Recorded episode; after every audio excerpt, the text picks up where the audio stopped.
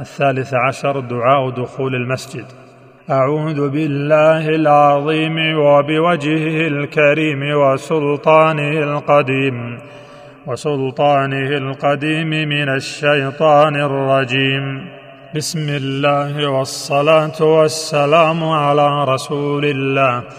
اللهم افتح لي أبواب رحمتك.